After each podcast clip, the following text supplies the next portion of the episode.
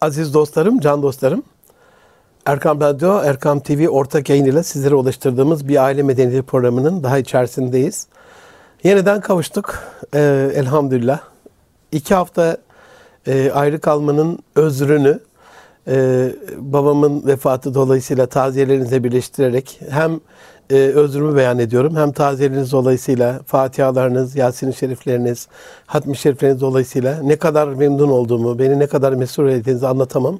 Şükranlarımı ifade ediyorum. Rabbim bütün geçmesine rahmet etsin. Bugün çok değerli bir konuğum, değerli hocam Profesör Doktor Gülfettin Çelik hocam bizlerle beraber. Kendisi İstanbul Medeniyet Üniversitesi mütevelliyet üyesi aynı zamanda da rektörü. Değerli hocam hoş geldiniz, sefalar getirdiniz. Ha, merhabalar efendim, hoş bulduk. İstanbul'da vakit ayırmak en büyük nimet. Biz de diyoruz ki izleyenler, dinleyenler için geçmişlerinize rahmet olur. Sizde emeği olan hocalarınıza e, güzellik olur, dua olur. Ömrünüze bereket olur inşallah. Cümlemizin inşallah. E, iyi ki varsınız. Allah razı olsun. Hocam güzel başlayalım. Bizim usulümüzde bir Yunusça başlama gibi bir tahammülümüz var. Klasik bir CV okumuyoruz programda. Gönlünüzdeki Gülfettin'i çok merak ediyorum. Ee, bir ben vardır bende bir ben içeri ama sizin içerinizdeki Gülfettin aranız nasıldır? ne der Şimdi efendim, e, hani madem Medeniyet Üniversitesi tanımından başlandı, Eyvallah. ben istersen ona bir iki cümle öncelikle serdedeyim. Lütfedin hocam buyurun. E, biz bir devlet üniversitesiyiz, vakıf üniversitesi değiliz.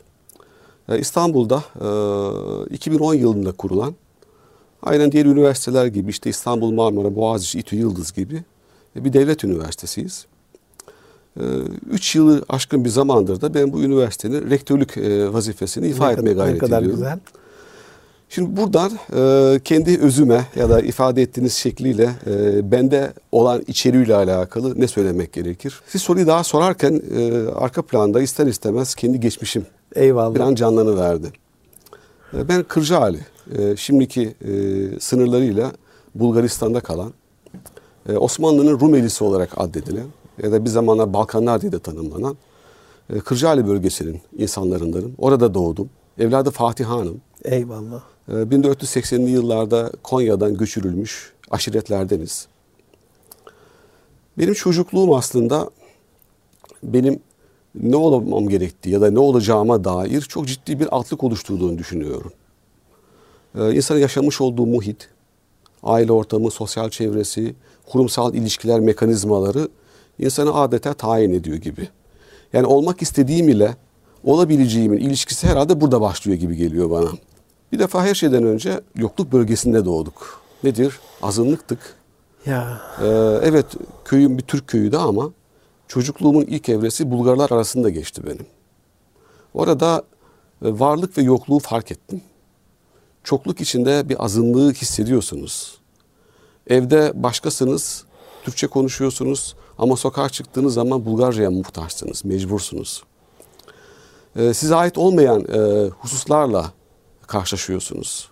Hele Türk olduğunuzda bilindiğinde e, orada bir takım negatif şeylerle de karşılaşıyorsunuz. Dışlanıyorsunuz yerine göre ya da e, kötüleniyorsunuz yerine göre.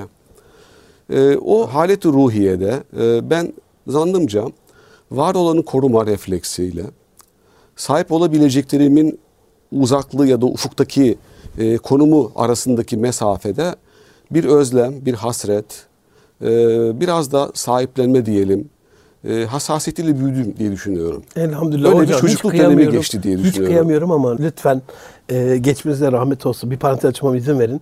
Öyle bir ortamda e, anne babayla ilgili iletişim, ilişki çok daha mı güçlü oluyor? Kesinlikle. Oraya mı sığınıyorsunuz? Oraya, oraya getirmek istiyorum Eyvallah, mevzuyu. eyvallah. Aile mevzumuzun aslında başlangıcı varlıklar ve yokluklar ilişkisiyle ortaya çıkıyor.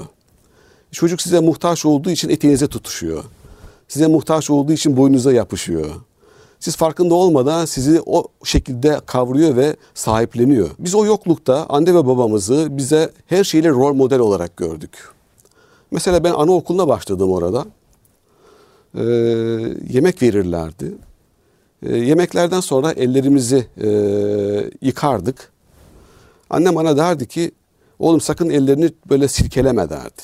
Biz Müslümanlar elleri silkelemeyiz, ovuştururuz derdi böyle. Eyvallah. Allah gani Ben o yaşta eylesin. kaç yaşındayım teyzem. bilmiyorum. Belki 3-4 yaşlarındayım. En fazla 5 yaşındayım. Ve annemin o nasihatini böyle gizli gizli hep uyguladım orada. Mesela annem bana ilk Subhaneke'yi orada öğret, o zaman öğretmiştir. Allah ilk razı Kulhuvallah orada öğretmiştir. Ee, bunlar sizi nasıl diyelim tanımlayan, e, toplumun içinde size e, konum e, ortaya koyan adımlar diye düşünüyorum. Şahsiyet de oluşturuyor. Şahsiyet ben onlardan değilim. Ben Aynen buyum. öyle. Aynen öyle. Mesela öğretmenlerimiz ben ilkokul 1'i 2'yi de orada okudum.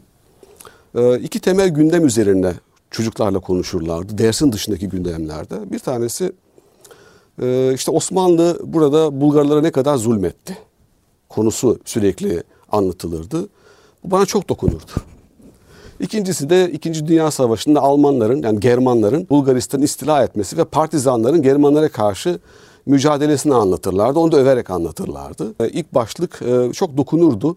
E, O halle herhalde ben çocukluğumun ilk evresinde e, koruma, kollama, mahrumiyet, varlık, yokluk e, bir kişilik karakterine büründü diye düşünüyorum. O halde. Türkiye'ye geldik e, ve muhaciretle Türkiye'de e, gençliğimiz evresini geçirdik diye düşünüyorum. Ve bunun benim hayatımın tamamına yön verdiğini düşünüyorum. Elhamdülillah. Ee, bir şey olma e, hissiyatı ya da ideali o kadar baskın oldu ki bizde. He de ilaveten işte Gebze'de yokluk içinde yine ev bark yok. Ee, Kur'an kursuna gittim bir yıl. Yine akrabayı talukatımız Allah rahmet etsin hafız agamız vardı. Allah Kendisi. Edirne'de bir zamanlar okumuş. icazeti olan hafız bir abimiz, akrabamızdı. Onun yönlendirmesiyle Kur'an kursuna gittik. Oradan İmam Hatip'e gittik. Ee, onlar da ikinci, üçüncü kademe belki de kişilik karakter oluşumunda etkindir diye düşünüyorum. Eyvallah. Şöyle bir ara soru sorsam. Göçmen e, mi demem lazım? Aslında siz onu çok Ben, güzel bir e, evladı Fatihan dediniz. Öyle diyelim. E, Balkanlardan gelen dostlarımızda ayrı bir şuur, ayrı bir bilinç, ayrı bir şahsiyet, ayrı bir karakter, ayrı bir girişimcilik, bir başarıya doğru bir özlem. Burada da hani çok iyi aileler, çok e, yani yokluk diyorsunuz, varlık içindeler ama çocukları böyle ite ite neredeyse kariyerde. Böyle bir şey görüyorum genelde. Sizin bakışınız nasıl hocam bu konuya? Doğrudur. Şimdi muhacir e, diye ben kendimi tanımlıyorum. Öyle diyelim tamam. Ee, muhacirlerde özellikle bizim dönemimizin muhacirlerinde bu yokluğun ya da yeni bir konum elde etme çabasının aileyi böyle kenetleyen, tutan, e, birbirine rapt eden çok farklı bir özelliği var, yönü var. Ee, mesela o bölgedeki bazı kültürel adetler e, belki nesillere bile yayılacak şekilde burada devam etmiştir. Ya da diyelim ki burada ekonomik anlamda tutunma çabası, aile öylesine kenetler ki burada, Baba çalışır ama anne de bir çalışmaya yol bulur. Çocuklar da çalışmaya bir yol bulurlar. Ee, ve mesela muhacir dönemi yaşayan nesillere bakarsanız çok başarıyı e, hızlıca yakalayan bir nesildir onlar. Hep. Evet. Bu sadece oraya özgü demiyorum. Kafkasya'dan gelenler öyle olmuştur, Girit'ten gelenler öyle olmuştur.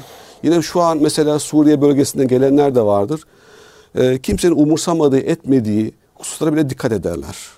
Son derece tutumludurlar, tasarruftudurlar. Ha bunun nedeni ailenin daha e, çocuğun büyümesinin ilk evresinde e, çocuğa ne verebildiği ne veremediğiyle hayatta ulaşılması gereken noktanın ne olduğu noktasındaki mesafe aslında e, tayin edici oluyor gibi gözüküyor. Şimdi modern dönemde e, artık varlık içinde e, yüzülen bir dönemde isterseniz ünvan deyin, ister kadro deyin, ister ekonomik artı deyin. Her şeyin çok rahat elde edilebildiği dönemde çocukların da anne ve babalarıyla olan ya da anne ve babaların kendi daha yakın akrabaları olan ilişkilerinde ya da mahalleyle olan ilişkilerinde e, bireyselliğe doğru giden, e, ilgisizliğe doğru giden bir altlık, altyapı var diye düşünüyorum. E, ben kendi adıma hani e, bende olan, benim içimde olan nedir diye tekrar oraya dönersem diyebilirim ki e, bir tarafta e, bu kainatta varlık e, sebebi ile öbür tarafta var olan imkanlar ilişkisinde o altyapıyı da bir bakıma unutmadan diyelim. Elhamdülillah. E, kendi çizgimi e, kurgulamaya çabalıyorum. E, Rabbim inşallah daim eylesin. hep beraber inşallah muvaffak oluruz. Rabbim daim eylesin inşallah. Değerli hocam sizin e, özellikle Osmanlı iktisat üzerine, e, Amerikan ekonomisi üzerine e, toplumsal ve ekonomik e, araştırmalar, tezleriniz var. Yaptığınız birçok çalışma. Bununla ilgili verdiğiniz dersler var. Ben bu açıdan e, aile kurmada bireysel olarak e, ekonomi ve toplumsal olarak da özellikle iktisadın e, yeri ve önemi nedir aileyi kurmada? Daha ilk başlangıcında. Şimdi malumunuz klasik dünyada fert diyelim, birey, aile, içinde yaşanılan muhit, beraberliğinde bir bütün olarak ele alınırdı. Ayrışmazdı. Ee, modern iktisatla beraber bu artık homo economicus'la başlayan ama rasyonel bireyle de e, artık tanımlanan diyelim modern dünyada e, iktisadın öne çıktığı e, temel yaklaşımda birey, aile ve toplum ilişkisi e, parçalandı. E, bu çok doğal olarak buraya aktı. Niye? Çünkü e, varlık ve yokluk doğrudan doğruya ekonomik kazanç, e, üretme ve harcama üzerine tanımlanmıştı. Kendi benceliğiniz özelinde. Evet. O artık oraya evirdi O- insanları. oraya. İster istemez. Çünkü e, sen üretirsin ya da sen nasıl üretirsin? e, nasıl daha öteye taşırsın kendini varlık anlamında? Refahını nasıl artırırsın belki, evet. esas alan bir model, bir yaklaşım ister istemez bireyi e, yalnızlığa, bencilliğe e, ve ferdiliğe doğru itti. Yani arka planda hani modern gündelik bir şey, şeye veriyoruz bunu. İşte reklamlar diyoruz, insanların kötü niyetine veriyoruz falan falan ama arka planda zihniyetin daha temellerinde varlık ya da yokluğun diyelim ya da varlığı elde etmenin yolu olarak böyle bir tanım varsa, o rasyonel birey tanımı varsa geleceğimiz nokta buydu zaten. Kaçınılmaz Ya son. bu Osmanlı dünyası dedik. İşte İslam ya da e, Batı dünyası Amerika dediniz. E, birlikte e, ele alınma e, gündemini ister istemez öne çekiyor. Yani şu gün itibariyle modern ekonominin arka planı elbette Batı dünyası, Avrupa ve Amerika esaslıdır. Belki buna alternatif diyebileceğimiz ya da farklı diye en azından diyebileceğim bir dünya olarak da Osmanlı ve İslam ekonomisi ya da İslam iktisadı dediğimiz zaman ister istemez her ikisini birlikte ele alma ihtiyacı hissediyor. Ben de bu çerçevede Doğu ve Batı e, ilişkisinde iktisatla ilgilenmeye çabaladım yani. Allah razı olsun. Osmanlı'ya baktığımızda hocam son dönem aslında duraklama döneminden ele alarak hani artık eskisi gibi fetihler yok. Beytülmal o kadar insanlara refah verecek bir durumda değil. Az evvel bahsettiğiniz aslında Bulgaristan'ın 30-40 yıl belki yokluk dönemi. Cumhuriyet'in 50 yıl öncesine kadar baktığımızda da böyle. Yani bir yokluk dönemindeyiz ama aileye baktığımızda da varlık ailesi. Buradaki şeyi nasıl e, yorumluyorsunuz korelasyonu? Şöyle. Tezat mı yoksa Yok yok şöyle şöyle. Şimdi e, Osmanlı kendisini tanımlarken sistem olarak kendisini tanımlarken devlet ve aile esasında tanımladı aslında. E, aileyi ama bizim bildiğimiz bugünkü böyle çekirdek aile tanımında almadı. Avarız haneler diye Avarız. bir tanım vardır. Yani Osmanlı Devleti böyle olağanüstü bazı vergiler tarh ederdi. Örneğin sefere gidecekse e, o bölgede sefer yolu üzerinde var olan ailelerden, hanelerden diyelim daha doğrusu bazı vergiler alırdı. Kadılık üzerinden, kadılık kurumu üzerinden avarız hanelerine vergi tarh edilirdi. Ama bu hane bildiğimiz anne baba ve çocuklar ailesi değildir. Örneğin diyelim ki filanca kariyedir. O kariyede diyelim ki 50 hane vardır, 50 aile vardır. Bu 3 avarız hanesidir. 15 aile bir avarız hanesi sayılır sülale dediğimiz gibi yani gibi. belli kriterlerle daha büyük öbeklerdir bunlar. Yani bizde Osmanlı'da aile tanımı daha geniş bir ailedir. Mesela kariyelerde, köylerde bir kefalet düzeni vardı. Mesela esnafta vardı bu. Yani esnaf kendisi doğrudan doğruya bir ünite olarak sayılır. Bir, bir, bir birey tanımı içeri sokulurdu yani. Ee, köyler de öyleydiler. Yani modern hayattaki aileyle Osmanlı ailesini biraz daha farklı kılarak e, şöyle ifade edeyim. Osmanlı kendisini tanımlarken devletin ihtiyaçları, reayanın ihtiyaçları ama reayanın ihtiyaçlarını da aile ya da hane ya da öbek esasında tanımlardı. Mesela aşiretler böyle tanımlanırlar. Aşiretler bir bütün büyük aile olarak görülürlerdi. E, bu da o zaman ister istemez e, çok daha dengeli, düzgün öbeklemeleri ortaya çıkartıyordu. Mesela 19. yüzyıldan siz e, mevzu ettiniz. E, Birçok Avrupalı yazar, düşünür şu noktaya gelmiştir. Evet Osmanlı devlet olarak çok kötü durumda. Bir sürü savaşı var, toprak kaybediyor, küçülüyor, ekonomik alanları daralıyor, siyasi nüfuzu kayboluyor, kültürel alanları parçalanıyor ama aile yapısı çok güçlü.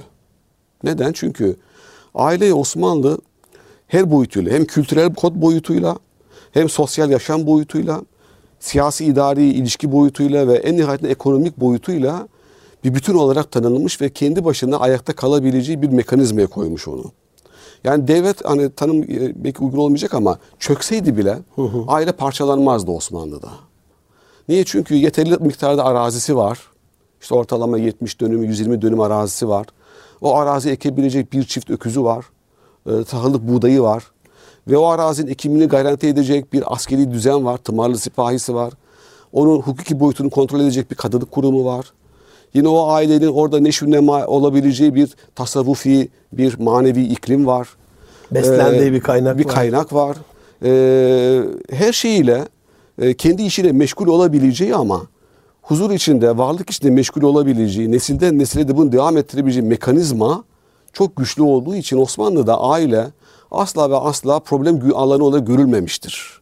Osmanlı medeniyetinin asli unsuru diyebilir miyiz o zaman aileye? Öyledir. Aslında Öyle. öyledir yani. Yani devlet mesela malum filmlere konu olur, romanlara konu olur, derslere konu olur. E, Çok buhranlı dönemler yaşamıştır ama ailede böyle bir şey asla olmamış Osmanlı'da.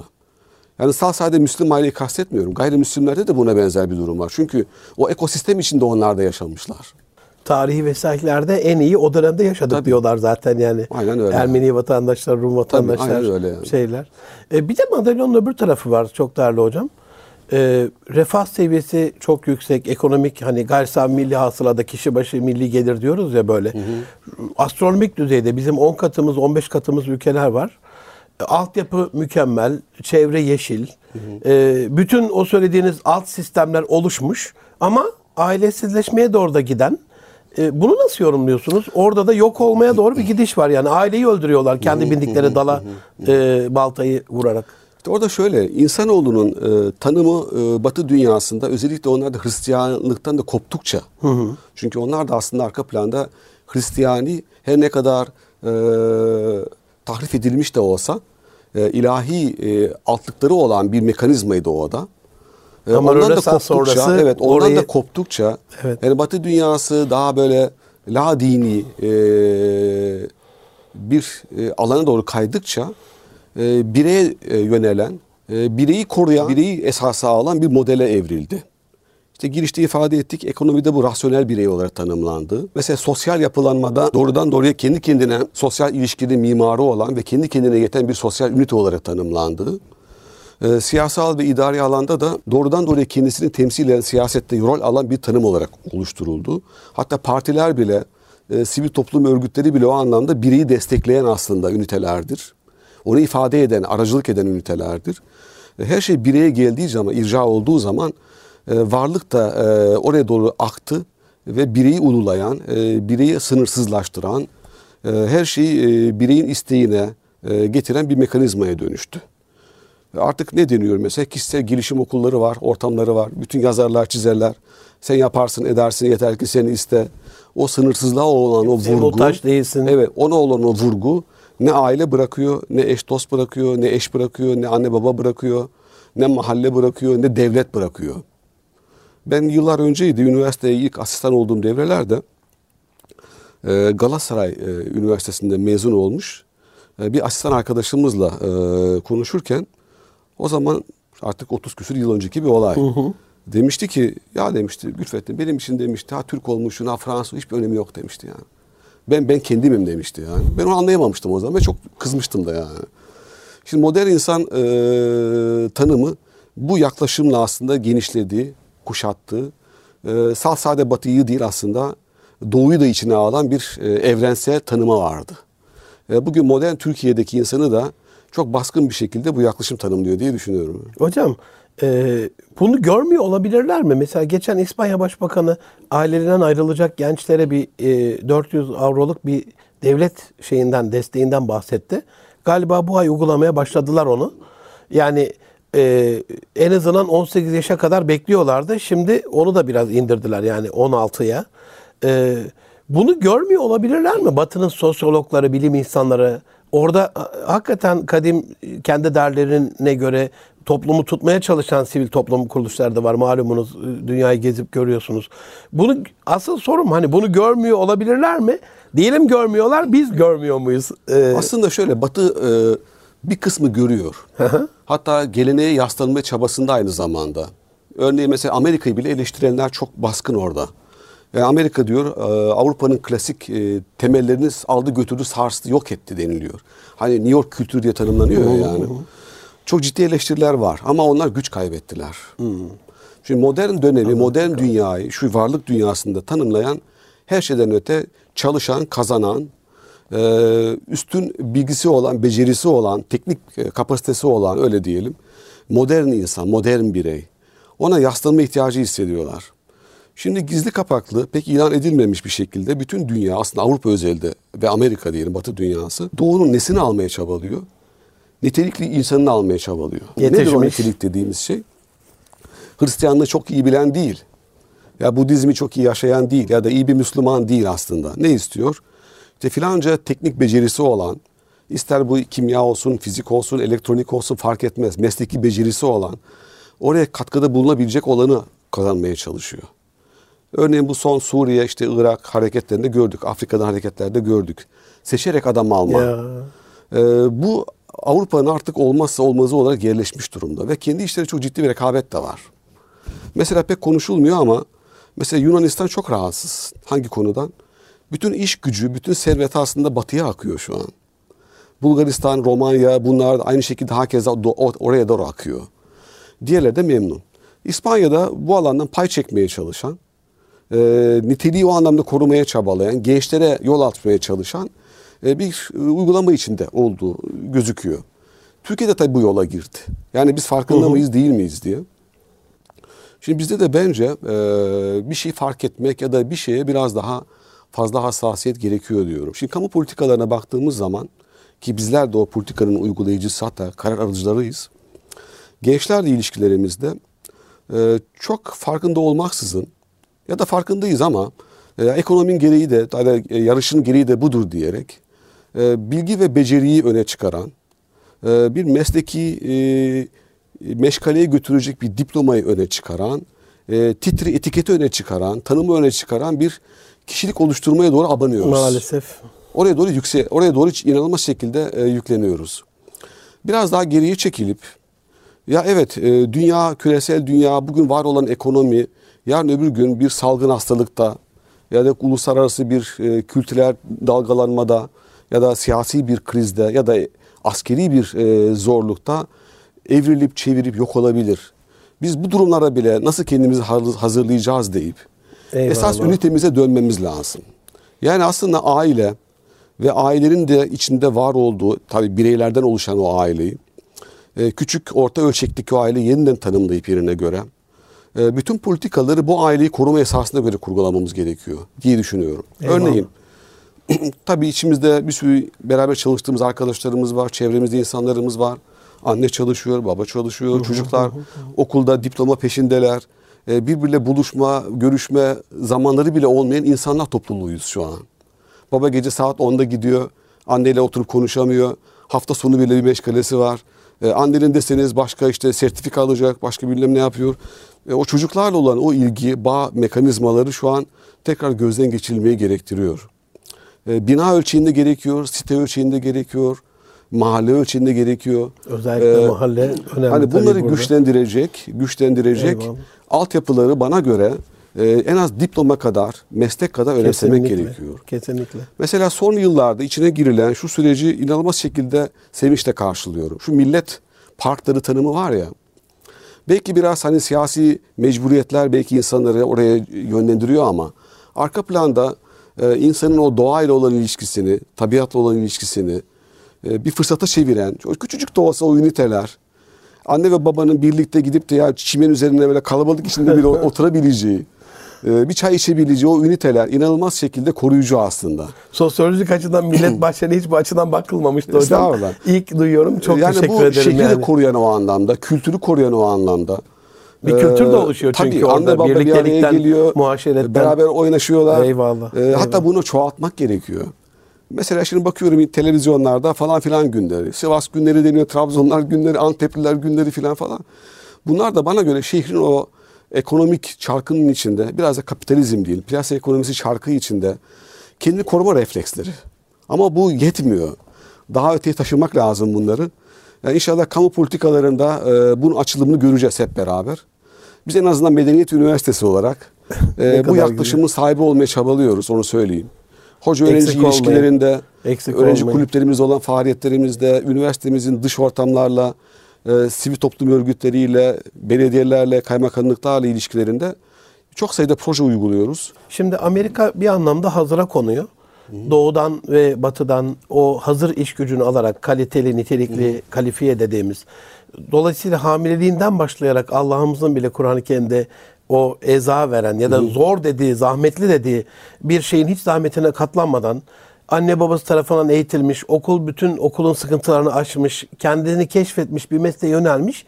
Ama bu bir geçiş formu değil mi? Bu sürdürülebilir bir şey. Mesela şu anda tam bu geçişin ortasındayız biz. Bunu 20 yıldan beri, 30 yıldan beri yapıyorlar ama bu sosyolojik açıdan soruyorum hocam. Uzun dönem devam edebilir mi böyle bir ilişki bir ülke bazında? Tabii e, değerini e, kaybeden e, ülke ve değer kazanan ülke ikisi bağlamında konuşacak olursa tabii sürmez böyle bir şey. Sürmez değil mi? Çünkü her şey bir doygunluk noktasına varır. Yani çekim gücünün de bir sınırı var. Dolayısıyla ya ben işte çocuğum şu diplomayı alsın da işte İngilizce bilsin, Fransızca bilsin, Arapça bilsin, işte bilgisayar şu programlarını bilsin. Buna abanılırsa eğer bir zaman sonra o doygunluk noktası Türkiye bunu böyle küçük küçük örnekliklerde hep yaşadı. 1970'li yılları hatırlıyorum. Ziraat mühendisi olmak çok böyle revaçta olan bir şeydi. 80'lere geldiğinde ziraat mühendisi hiç, hiç kimse ziraat mühendisi olmak istemedi. Niye? Çünkü doygunluk vardı. Buna benzer bazı sektörler de şu an tıkandı gibi. Batı dünyasının da çekim gücü o anlamda farklılaşıyor. İşte malum detaya inmeyelim ama e, dünya sermaye yoğunlaşması, yığılışması bile farklılaşıyor. Doğuya kayıyor. Doğuya doğru akıyor şu anda. E, bilginin e, kullanım, üretim alanları doğuya kayıyor. E, yarın öbür gün bu Afrika olacak, yarın öbür gün Güney Asya olacak belki. Öyle öngörüler de var. O doğru. uzun vadeli doğru. planlamalarda e, aileler ya da gençler bunun farkında değiller. Yani 10 yıl sonrasını hemen düşünüp de ya çocuğum mezuniyette şurada bir istihdam olsun.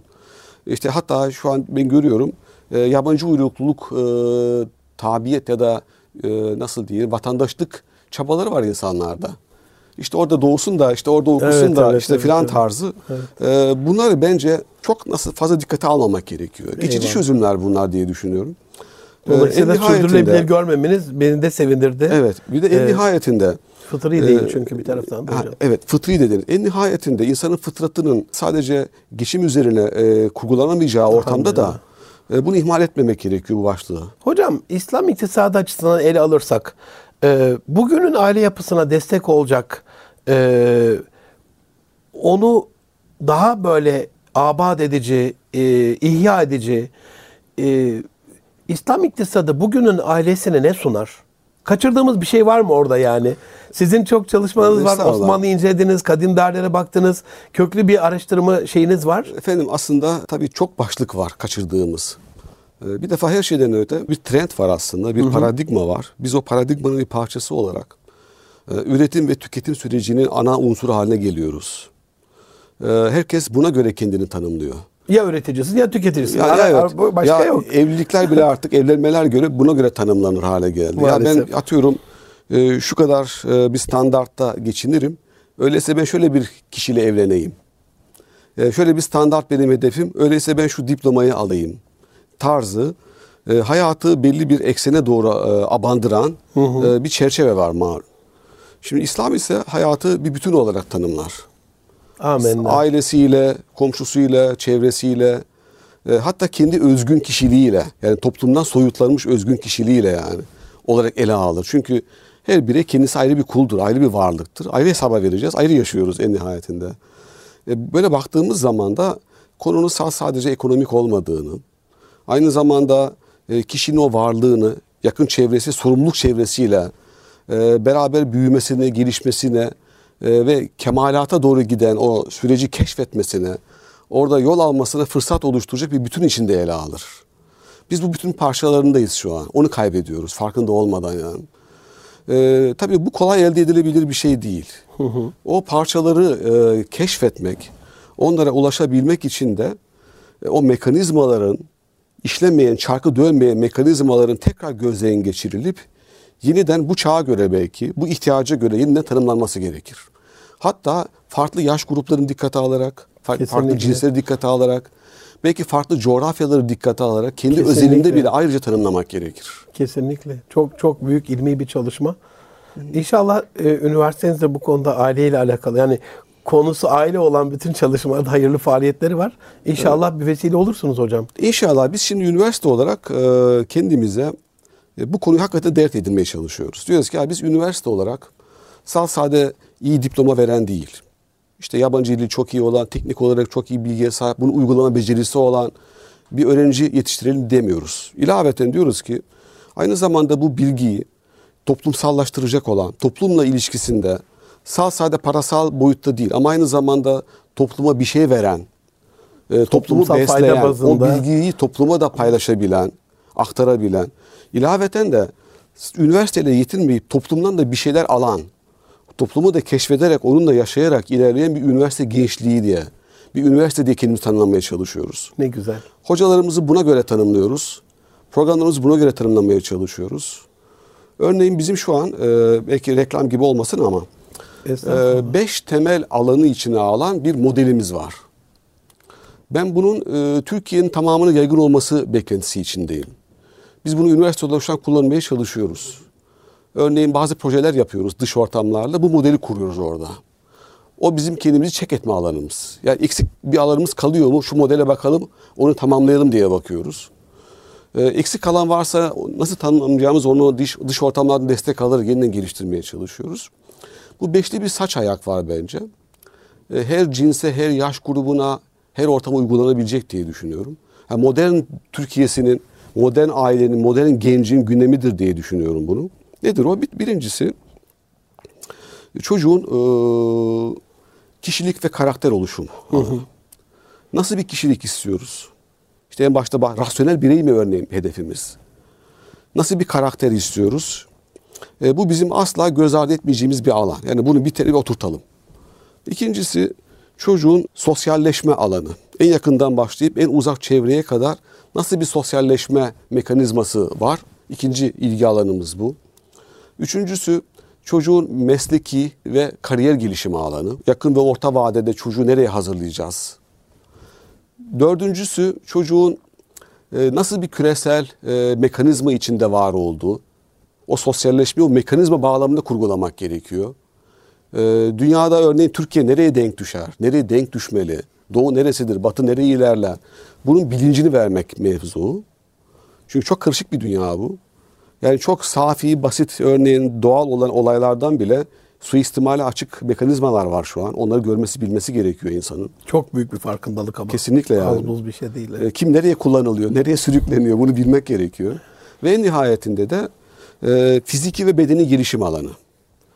Bana göre bu beş temel alan ilkokuldan e, beşiğe kadar giden neyse e, alanda eğitim sürecinin tamamında gözetmemiz gereken başlıklar diye düşünüyoruz. E, Biz üniversite olarak bu beş başlığın tamamına da hitap edecek kadro kurup öğrencilerimizi buna göre ilgili e, ortamına sürükleyelim, e, götürelim diye niyet ediyoruz. Allah muvaffakiyetler Amin. versin. Ee, hocam e, İstanbul Medeniyet Üniversitesi rektörü olarak tabii siz daha belki rektör yardımcılığı görevleriniz de var. Farklı üniversitelerde akademik çalışmalarınız var. Seyahatleriniz uluslararası boyutta, yerel boyutta. Gençlerin içinde bir e, kişi olarak bunu soruyorum size. Bugünün gençliğinde evlilik bir lüks mü ihtiyaç mı? Aslında hani gençler nasıl görüyor sormuyorum ama biz onlara bunu nasıl teşvik edebiliriz? Ee, bu konuda onlara nasıl bir faydamız dokunur? Ee, İki, iki husus var bence. Hı hı. Birincisi hedefi düzgün tayin etmek mevzunda maalesef hata yaptık. Hedef nedir hayatta? ilk boyutu? başta o söylediğiniz kariyer, maaş, aynen, sertifika. Aynen, aynen. O, o hedefleme noktasında hatalı ilerliyoruz bence. Ee, varlığı olan da olmayan da, kabiliyeti olan da olmayan da, ilgisi olan da olmayan da yeter ki bir diploma sahibi olsun. Diploma çünkü bir geçiş alanı olarak tanımlandı. Sizin çocuk nereyi kazandı çünkü e, ah- ahiret sorusu derler. Ahiret sorusu eskiler. derler. O, o konuma geldi Ee, maalesef. Hakikaten oraya vardık yani şu an. Cümle alem borç, harç, kredi, mredi çocuğu bir şekilde okutma derdinde. Yaşlar 30'lu yılları geçiyor. Evliliği düşünebiliyor biliyor insanlar. Hani hayatını ne zaman kuracak bu adam? Mezun olduktan sonra da tekrar bir sertifika programı, tekrar bir sınav dönemi, bir 10 yılda böyle geçiyor. Zaten vakit kalmıyor düşünebilme adına.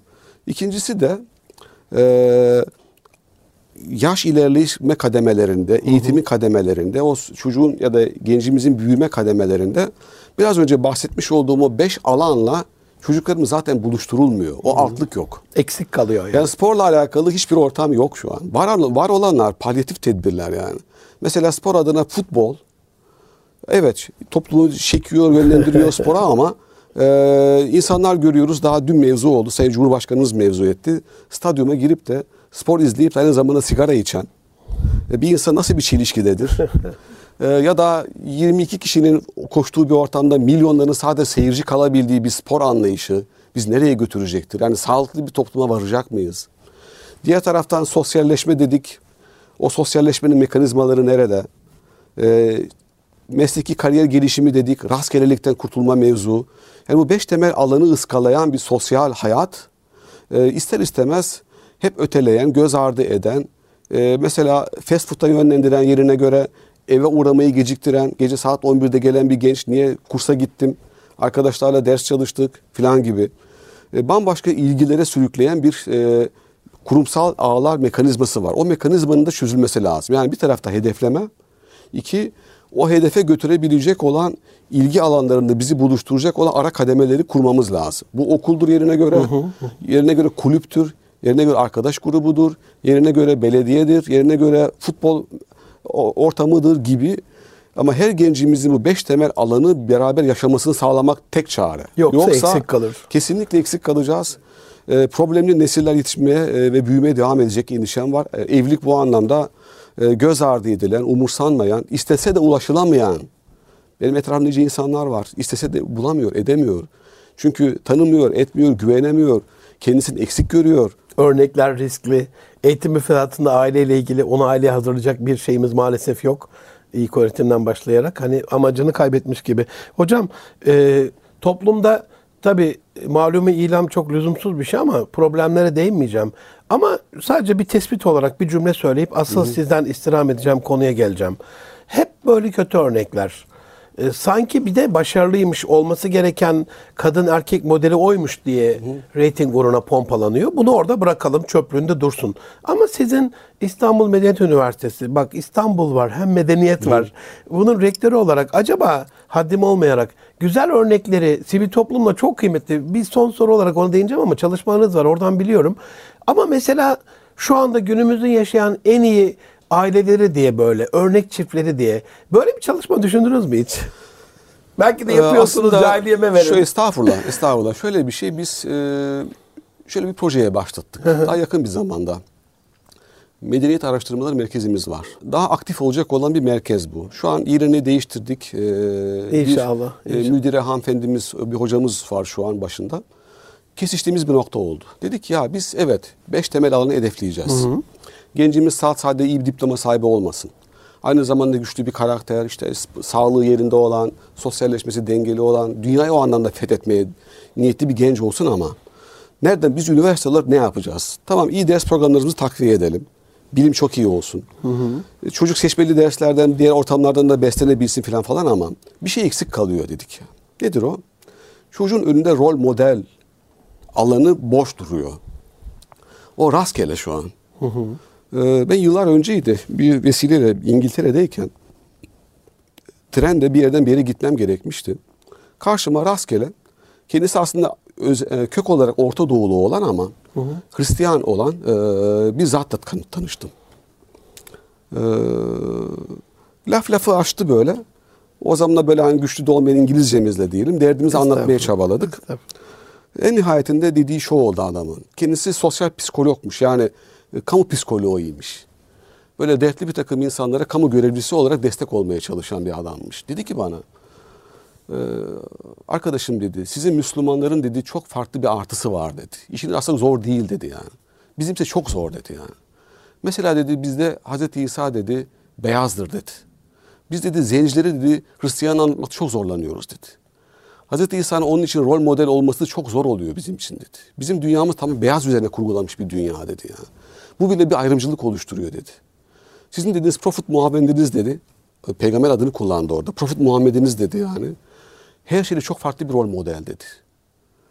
Aile dedi, çocuk dedi, arkadaş dedi, devlet dedi, komşuluk, arkadaşlık, kulluk, ibadet. Hayatın her safhasını bir modeliniz vardı önünüzde dedi.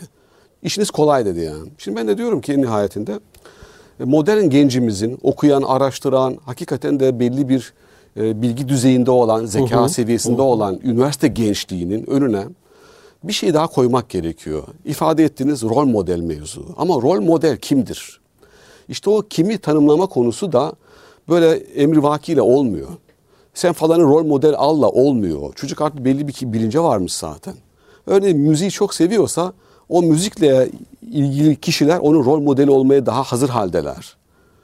Geziyi seviyorsa geziyle alakalı bilmem kimlerdir. Sporu seviyorsa sporla alakalı yani. gibi. Haklısınız. Onlardan da uygun olanları çocuğun önüne koyabilmenin mekanizması lazım. Biz kendi aramızda dedik ki hocam bir zamanlar dedim ben sayın hocamıza bin bir temel eser diye bir Evet, seri vardı. evet. Bizim o gençliğimizin ilk evresinde biz çok istifade ettik Milli o eğitimin zamanlar. çok kadim şeylerinden biridir. Evet. Tercüman Gazetesi'nde bir zamanlar sahiplendiği o seri dedim inanılmaz bir artıydı bizim için. Dedik şöyle bir şey yapalım. E, biz bilim adamlarıyız. Örneğin siz dedim Selçuklu'yu çok iyi bilirsiniz. Orta Asya'yı çok iyi biliyorsunuz. Ben işte Osmanlı, Balkanları çok iyi bilirim.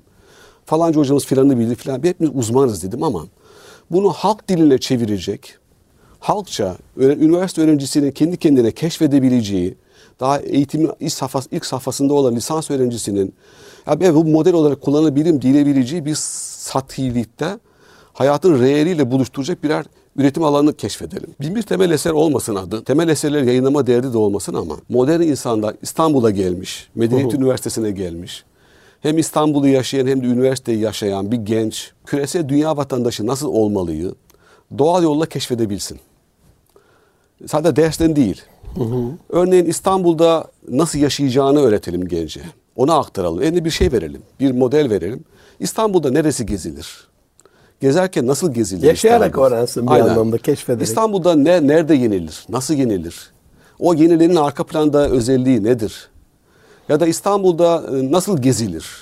İstanbul e, nasıl seyredilir? İstanbul e, nasıl arkadaşlık yapılır İstanbul'da? İstanbul'da komşuluk, İstanbul'da yurttaşlık, vatandaşlık, İstanbul'da kentlilik üzerine bizim klasik İslam dünyamızın Osmanlı örneği ya da Batı dünyasının güzel örnekleri mezredilmiş, onlardan beslenmiş ama pratiğe karşılık gelen hadi arkadaşlar bugün geziyoruz ama şöyle şöyle gezeceğizi öğrencinin önüne koyan ister bireysel olarak gitsin ister grup olarak gitsin isterse kurumsal olarak gitsin onun derdine sokalım öğrenciyi de rol modellerle öyle buluşsun. Rol modelde arayacağı vasfı ne olacağını kendi kendine öyle keşfetsin diye bir aramızda bir mutabakata vardık. Ne güzel. İnşallah böyle bir çabanın içinde olacağız. Yani. İnşallah. Bir ara Kültür Kenti İstanbul diye bir çalışma yapıldı bir 15-20 yıl evvel. Daim olur inşallah. Hocam son olarak e, malumunuz bu LGBT e, çetesinin çok cinsiyetsizleştirme üzerine adı cinsiyet eşitliğiyle başlayan ama e, çok böyle saldırgan, fıtratı aşırı bozan, inanılmaz taciz edici bir faaliyeti var ve maalesef bizim camiada da bazı müftülükler görüyorum, bazı milli eğitim müdürlükleri, bazı belediyeler, bazı kamu kurumları görüyorum. Bilinçli ya da bilinçsiz buna alet oluyorlar. O kısma girmeyeceğim ben. Hani dedik ya e, malumu ilam gereksiz. İşin aile boyutunda siz bir rektör olarak, bir akademisyen olarak bu konularda çok kafa yormuş, e, sivil toplumda aile üzerine birçok faaliyet yapmış. Daha yeni İstanbul e, Aile Vakfımızla bir e, sempozyum yaptınız. Uluslararası bir sempozyum. Allah razı olsun. Anne babalar çocuklarının bu fıtratını koruma adına kız çocuğunun kız fıtratı, erkek çocuğun erkek fıtratını yetiştirmesiyle alakalı neler yapabilirle bitirelim hocam. Bunu Eyvallah. sorayım size. Ne tavsiye edersiniz? Şimdi tabii artık klasik dünyada değiliz. Ee, roller yeniden tanımlanmalı. Ee, anne nedir, baba nedir, dede nedir, nine nedir, dayı nedir, amca nedir, komşu nedir hatta. Bir bütün olarak. Hatta okul öğretmen, müdür nedir? Ya yerine göre kaymakam, vali, belediye başkanı, rektör nedir, hoca nedir? Yeniden tanımlamak gerekiyor. Ee, örneğin hoca salt sade ders veren adam olamaz artık. Çünkü genç o hazırlıkta gelmiyor. E, malum korona dönemi geçti. Geçenlerde bir projenin parçasında bir okul müdürümüz e, bir toplantıda hocam dedi çok zor duruma düştük bu koronada dedi. Hayrola falan böyle. Dedi ki ya çocuklar iki yıldır boştalar ya dedi. Zoom üzerinde ders yapıyorduk ya neyse işte EBA üzerinden. İlk defa okula gelen çocuk öğretmene nasıl hitap edeceğini bilmiyor. Abi diyor dedi yani. Öğretmene abi diyor dedi yani. Öyle ciddi boşluklar doğdu. Yani üniversiteler böyle, aileler bu durumda. Şimdi anne ve babalara gelecek olursak esas kilit nokta orası. Ya hiç kimse ya ben bunu beceremem, ben bunu yapamam, benim de işim de değil zaten dememe durumunda artık. Örneğin cep telefonumu, cep telefonu aile keşfetmeli. Çocuğun nereye girdiğini o bile bilmeli. O da girmeli oralara. Çünkü Anne ve çocuk yalnızlar. Çocuğu o anlamda kuşatacak bir mekanizma yok. Bir kültür ortamı yok, bir kurumsal eğitim ortamı yok. Lise, ilkokul, üniversite çocuğun o sosyal medyasını kurgulamıyor. Yok orada o. Anne baba da bunun işte girmezse, bilmezse çocuğun o özellikle o ilk evrede, tanışma döneminde nereye sürükleneceği esas ilk nokta orasıdır. Boşta kalıyor. Anne ve babalar oturup da hadi tamam biçki, dikiş, nakış, evre süsleme, öteberi falan bunların hepsine katılırım. Zevktir, keyiftir, sefadır o da lazım kent ortamında ama yani bireysel ilgi lazım ama e, eğer önceliğimiz çocuk yetiştirmek, nesil yetiştirmekse, geleceğin Türkiye'sini kurgulamaksa herkes ister istemez öncelikle çocuğa göre ve aile bütününe göre ama. Sat çocuğa abanırsanız o zaman hata edersiniz. Anne, baba ve çevre bütününe aileyi esas alan o modeli yerine keşfetmemiz lazım. Anne baba buna göre hayatını kurgulamalı, buna göre zamanını ayarlamalı. Ee, o çocukla beraber oyun oynayabileceği, beraber gezebileceği, edebileceği o fırsata ulaşabilmeli. Yani Ama- şöyle bir şey yok mu? Çok özür dilerim hocam. Ya ben hem kariyerimi yapacağım, hem gece 11'e kadar çalışacağım, hem de çocuk büyüteceğim. Bu eski tanıma göre bir ilişki bu dönemde sürmez diyorsunuz yani. Yeni bir tanım gerekiyor, yeni bir iletişim düzeyi gerekiyor. Bunu Şimdi mu yıllar anladın? önceydi, e, muhtemelen 10-15 sene oldu Allahu alem. Bir bilim adamını örnek vermişlerdi. Adını unuttum. Koreli bir bilim adamı. Çok başarılı. Dediler ki ya dediler o kadar hani ilmek yenini vermiş ki günde 17-18 saat çalışıyor dediler yani. Laboratuvardan çıkmıyor dediler yani. İmrenerek anlattılar. Ben de kendine yazık etmiş dedim o zaman yani. Tamam bir bilgiyi keşfetmek e, çok önemli ama e, insanın kendi fıtratını e, dikkate alarak, kendi dört boyutlu kişiliğini, karakterini dikkate alarak, insaniyetini dikkate alarak hayatı kurgulaması en doğal, en güzel olan. Kesinlikle. Yani biz 9 saniyeyle yarışı koşabiliriz belki ama herkes koşmak zorunda değil ki. Bir de e, herkes o laboratuvarı bir günde kuşanarak o bilgiyi keşfetmek zorunda değil ki. Paylaşın. Sizin yanınızda bir başkası devralsın aynı işi. Siz yeterince çalışın. O devam ettirsin. Niye bu bireysellik, niye bu hırs olmalı diye düşünüyorum. Hayatı ıskalamamak adına, e, o çok boyutlu yakalamak adına bir yol bulmak lazım bence diyorum. Eksik olmayın. Allah razı olsun. Aziz dostlarım, son cümlesini e, programın spotu yapalım. Hayatı ıskalamamak için aileye dönüş, rolleri yeniden tanımlama. Aslında hayatı ıskalamak için fıtrata dönüşü de e, anlattı, değindi Gülfettin Hocam. E, İstanbul Medeniyet Üniversitesi Rektörü Profesör Doktor Gülfettin Çelik Hocamla birlikteydik. Hocam Allah razı olsun. Ayaklarınıza sağlık. Ben teşekkür ediyorum. Davetiniz rahmet için, olsun. Üzerinde emeği olan hocalarımızdan Allah razı olsun.